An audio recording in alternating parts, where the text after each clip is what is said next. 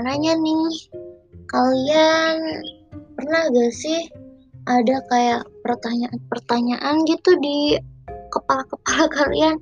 Dulu-dulu apa kemarin-kemarin kayak pertanyaan sehat gak kalau kita nyimpen dendam? Atau kayak e, kenapa sih kita pernah ngerasain dendam? Kayak gitu-gitu.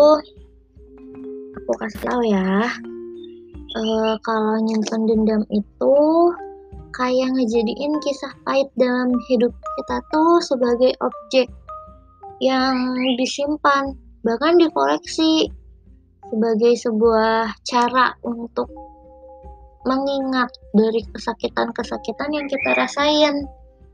Tapi tahu gak sih kalau ternyata dendam itu bukan sebuah rasa. Iya, meski dibangun dari sebuah rasa, yaitu rasa sakit, tapi dendam itu justru dibangun dari dalam kepala. Ia bukan sebuah rasa, tetapi sebuah pemikiran. Pemikiran yang kemudian uh, berubah, berubah, berubah menjadi pola pikir yang bisa menutup empati, uh, bahkan bisa mengubah manusia dari yang tadinya seakan kayak lemah tersakiti gitu loh, menjadi peran antagonis karena ingin membalaskan kesakitan itu. Nah, sebelum berlanjut pada keinginan balas dendam nih, ada baiknya juga kita mengingat bahwa uh, ada kok jalan lain untuk terlepas dari dendam itu gitu. Banyak kok jalan keluar yang bisa diambil.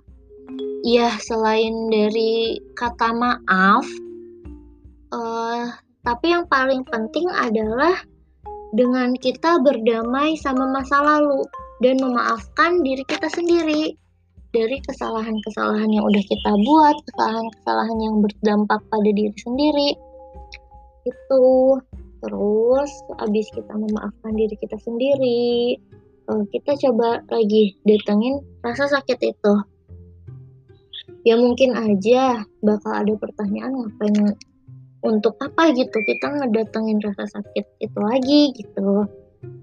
E, kalau dulu kan kita dapat rasa sakitnya itu tiba-tiba ya tiba-tiba mental belum siap hati belum siap makanya kenapa bisa jadi rasa sakit.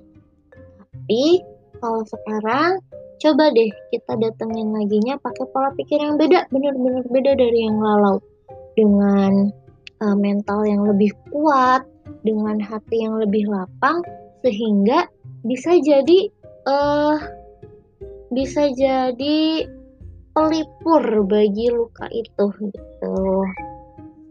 Pelan-pelan coba kita bangun rasa sayang buat diri kita sendiri. Nanti lama-lama kalau kita udah sayang sama diri kita sendiri, kita bakal paham dan kita bahkan bisa lebih kenal sama diri kita sendiri uh, gimana untuk menjadi uh, gimana untuk berdamai dengan diri kita sendiri? Gimana kita pelan-pelan ngehindarin toksik dari toksik lingkungan dari ucapan teman-teman dari tingkah laku di sekitar kita? Nah kalau kita udah sayang nih sama diri kita sendiri kesakitan-kesakitan itu mungkin muncul tapi kita lebih siap kita lebih ya kita lebih lapang untuk menerima kesakitan-kesakitan itu sehingga tidak akan menjadi sebuah dendam. Karena secara tidak langsung nih dan yang diinginkan dari dendam ini adalah rasa sayang kita. Rasa sayang kita untuk diri kita sendiri juga untuk lingkungan kita gitu.